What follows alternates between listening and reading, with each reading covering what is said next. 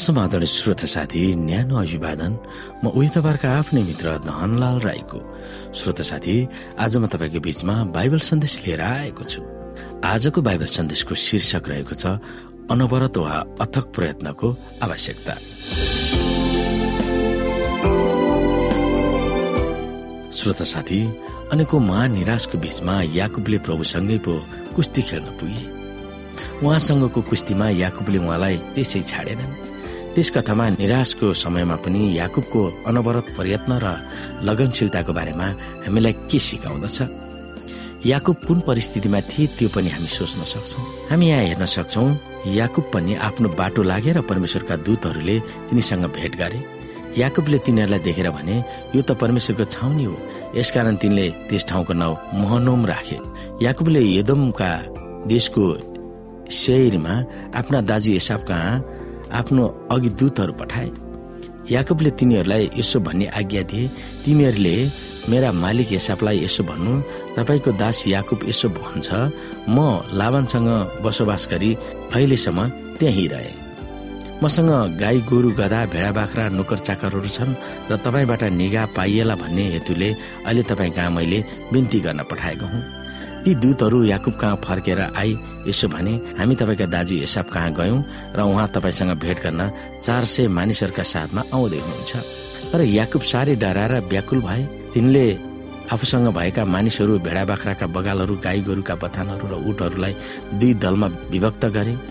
यदि हिसाब आएर एक दललाई आक्रमण गरे पनि अर्को दल त उम्कन सक्ला भनी तिनले सोचे। तब याकुबले प्रार्थना गरे हे मेरा पिता अब्राहमका परमेश्वर र मेरा बाबु इसाकका परमेश्वर हे परम प्रभु जसले मलाई त तेरै देशमा तेरा कुटुम्ब कहाँ जा र मेरा भलाइ गर्ने र म तेरो भलाइ गर्नेछु भन्नुभएको थियो। तपाईँले आफ्नो दासलाई जति करुणा र विश्वासयोग्यता देखाउनु भएको छ त्यसको म कति पनि योग्य छैन। किनभने एउटा लाठो मात्र लिएर मैले यसो हेर्दा नदी तरेको थिएँ र अहिले मेरा दुईवटा दल भएका छन्। म बिन्ती गर्दछु मलाई मेरा दाजु हिसाबको हातबाट बचाउनुहोस्।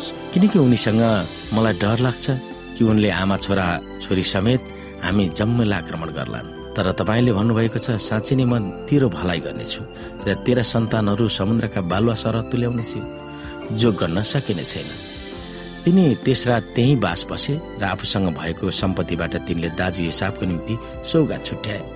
अर्थात् दुई सय बाख्री बिसवटा बोका दुई सय भेडी तिसवटा भेडा तिस दुहुना उठ र तिनका बच्चा चालिस गाई र दस साढे बिस गदैनी र दस गदा यी सबैका लागि तिनले बथान गरी आफ्ना कमारीहरूलाई जिम्मा लगाए र तिनीहरूलाई भने म भन्दा अघि अघि जाओ र बथान बथानका बीचमा केही खाली ठाउँ राख। तिनले सबैभन्दा अघिल्लालाई यसो भने मेरा दाजु हिसाबले तँलाई भेटेर त कसको मानिस होस् त कहाँ जाने होस् मेरो अघि गएका ती बथानहरू कसका हुन् भनेर सोध्नुभयो भने तैले यसो भन्नु ती त तपाईँका दास याकुबका हुन्। यी जम्मै मेरा प्रभु हिसाबको निम्ति सौगातको रूपमा पठाएका हुन्। हेर्नुहोस् तिनी चाहिँ हाम्रा पछि पछि आउँदैछन्। तिनले दोस्रो र तेस्रो बथानका पछि पछि लाग्ने जम्मैलाई आज्ञा दिए। एसाबलाई भेट्दा तिनीहरूले उही किसिमले भन्नु। विशेष गरी तिमीहरूले यसो भन्नु हेर्नुहोस् तपाईँका दास याकुब हाम्रा पछि पछि आउँदैछन्। किनभने तिनले यस्तो विचार गरे मेरो अघि अघि गएको सौगातले म उनको रिस साम्य गर्न सक्छु होला। त्यसपछि म उनको सामु पर्दा सायद उनले मलाई ग्रहण गर्नेछन्। यसै कारण ती सौगात तिनीभन्दा अगाडि गए र तिनी आफै चाहिँ त्यस रात आफ्नै पालमा बसी बिताए। त्यस रात याकुब उठेर तिनका दुई पत्नी दुई कमारी र एघारै छोराहरूलाई लिएर एब्बोक नदी तरे। तिनले तिनीहरूलाई खोलाको पारी पठाएपछि त्यसै गरी तिनले आफूसित भएका सबै कुरा पनि पठाए। यसरी याकुब चाहिँ एक्लै छोडिए अनि एकजना व्यक्ति उज्यालो नहुन्जेल तिनीसित कुस्ती लडे। यी व्यक्तिले याकुबलाई जित्न नसकेको देखेर याकुबका कम्मरको खोक्रो भाग छोएर उनीसित कुस्ती लड्दा लड्दै याकुबको कम्मरको गेडी खुस्क्यो। तब ती व्यक्तिले भने उज्यालो हुन लाग्यो मलाई जान देऊ। तर याकुबले भने मलाई आशीर्वाद नदिउन्जेल म तपाईँलाई जान दिन्न। उनले तिनलाई भने तिम्रो नाम के हो? तिनले भने याकुब। त्यस व्यक्तिले भने अब प्रान्त तिम्रो नाम याकुब होइन तर इसरायल हुनेछ। किनभने तिमीले परमेश्वर र मानिसहरूसँग लडन त गर्यौ अनि विजय भयो। तब याकुबले उनलाई सोधे बिन्ती छ मलाई भन्नुहोस् तपाईँको नाउँ के हो? तर उनले उत्तर दिए मेरो नाउँ तिमी किन सोध्छौ? अनि उनले तिनलाई आशीर्वाद दिए।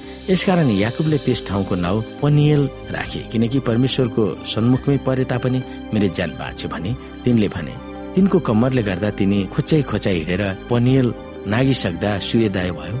तिनका कम्मरको नसो छोइएको हुनाले आजसम्म इसरायलीहरू कम्मरको नसो खाँदैनन्। यदि ठिक काम गर्न चाह्यौँ भनेर के ठिक छ र कसरी गर्ने भनेर हाम्रा चाहनाहरूलाई अभ्यास गर्न सक्छौँ तर हामी दबाव र तनावमा पर्दा प्रभुलाई र उहाँका प्रतिज्ञाहरूलाई पक्रिराख्न धेरै कठिन हुन सक्छ किनभने हामी कमजोर त्रसित र अलमल्लमा हुन्छौँ।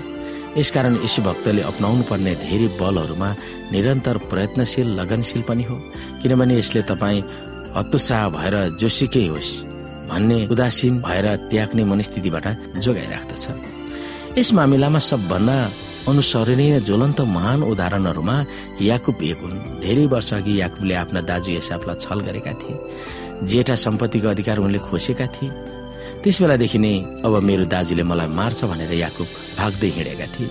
आफ्नो मामा घरमा भाग्ने क्रममा बीचको मरूभूमिमा राति सुत्दा उनले सपनामा लामो भर्याङ स्वर्गसम्म गएको उनले देखेका थिए र प्रभुले उनलाई अचम्मका प्रतिज्ञाहरू र अगुवाई गर्ने बाचा गर्नुभएको थियो। त्यही पनि जब हिसाब ठुलो जमात साथ उनलाई भेट्न आउँदैछ भन्ने खबर सुनेर तब उनको त सातो पुतले नै गएको थियो। त्यस विषम परिस्थितिमा प्रभुको आश्वासन र ढाडसको आवश्यकता उनलाई भएको थियो। उहाँले उनलाई क्षमा दिनुभयो स्वीकार गर्नुभयो र धेरै वर्ष अघि उनलाई प्रभुले गर्नुभएको प्रतिज्ञा कायमै छ भन्ने उनले थाहा पाउन चाहेका थिए। त्यस अन्धकार रात एक रात वीरसँग कुस्ती खेले। तब याकुबको कुम खुस्किन पुग्यो। त्यो वीर अरू कुनै नभएर यसु आफै हुनुहुन्थ्यो। त्यस बेलादेखि उनी यसुसँग लड्न नै सकेनन् किनभने उनको तिग्राको चोट पीडादायी थियो। त्यस बेला लड्नुको सत्तामा केही गर्ने कुरामा उनी अडेक हुन पुगेका थिए। आश्रय पीडामा पनि याकुबले यसुलाई पक्रिने राखे र आफ्नो लागि आशिषको माग पनि गरे। यसुले उनलाई भन्नुभयो मलाई जान देऊ किनभने बिहान हुन लागेको छ। आश्रय पीडामा पनि याकुबले प्रभुलाई पक्रिने राखे जसको फलस्वरूप उनले आशिष पाए। हामीलाई पनि त्यस्तै हो। कहिलेकाहीँ हाम्रो तिग्रा वा कम्मरलाई खुम्चाइदिनुहुन्छ होला र त्यस पीडा पनि उहाँलाई पक्रिराख्न उहाँले हामीलाई आह्वान गर्नुहुन्छ। श्रोता आजको लागि बाइबल सन्देश यति नै। हस्त नमस्ते जय मसिंह।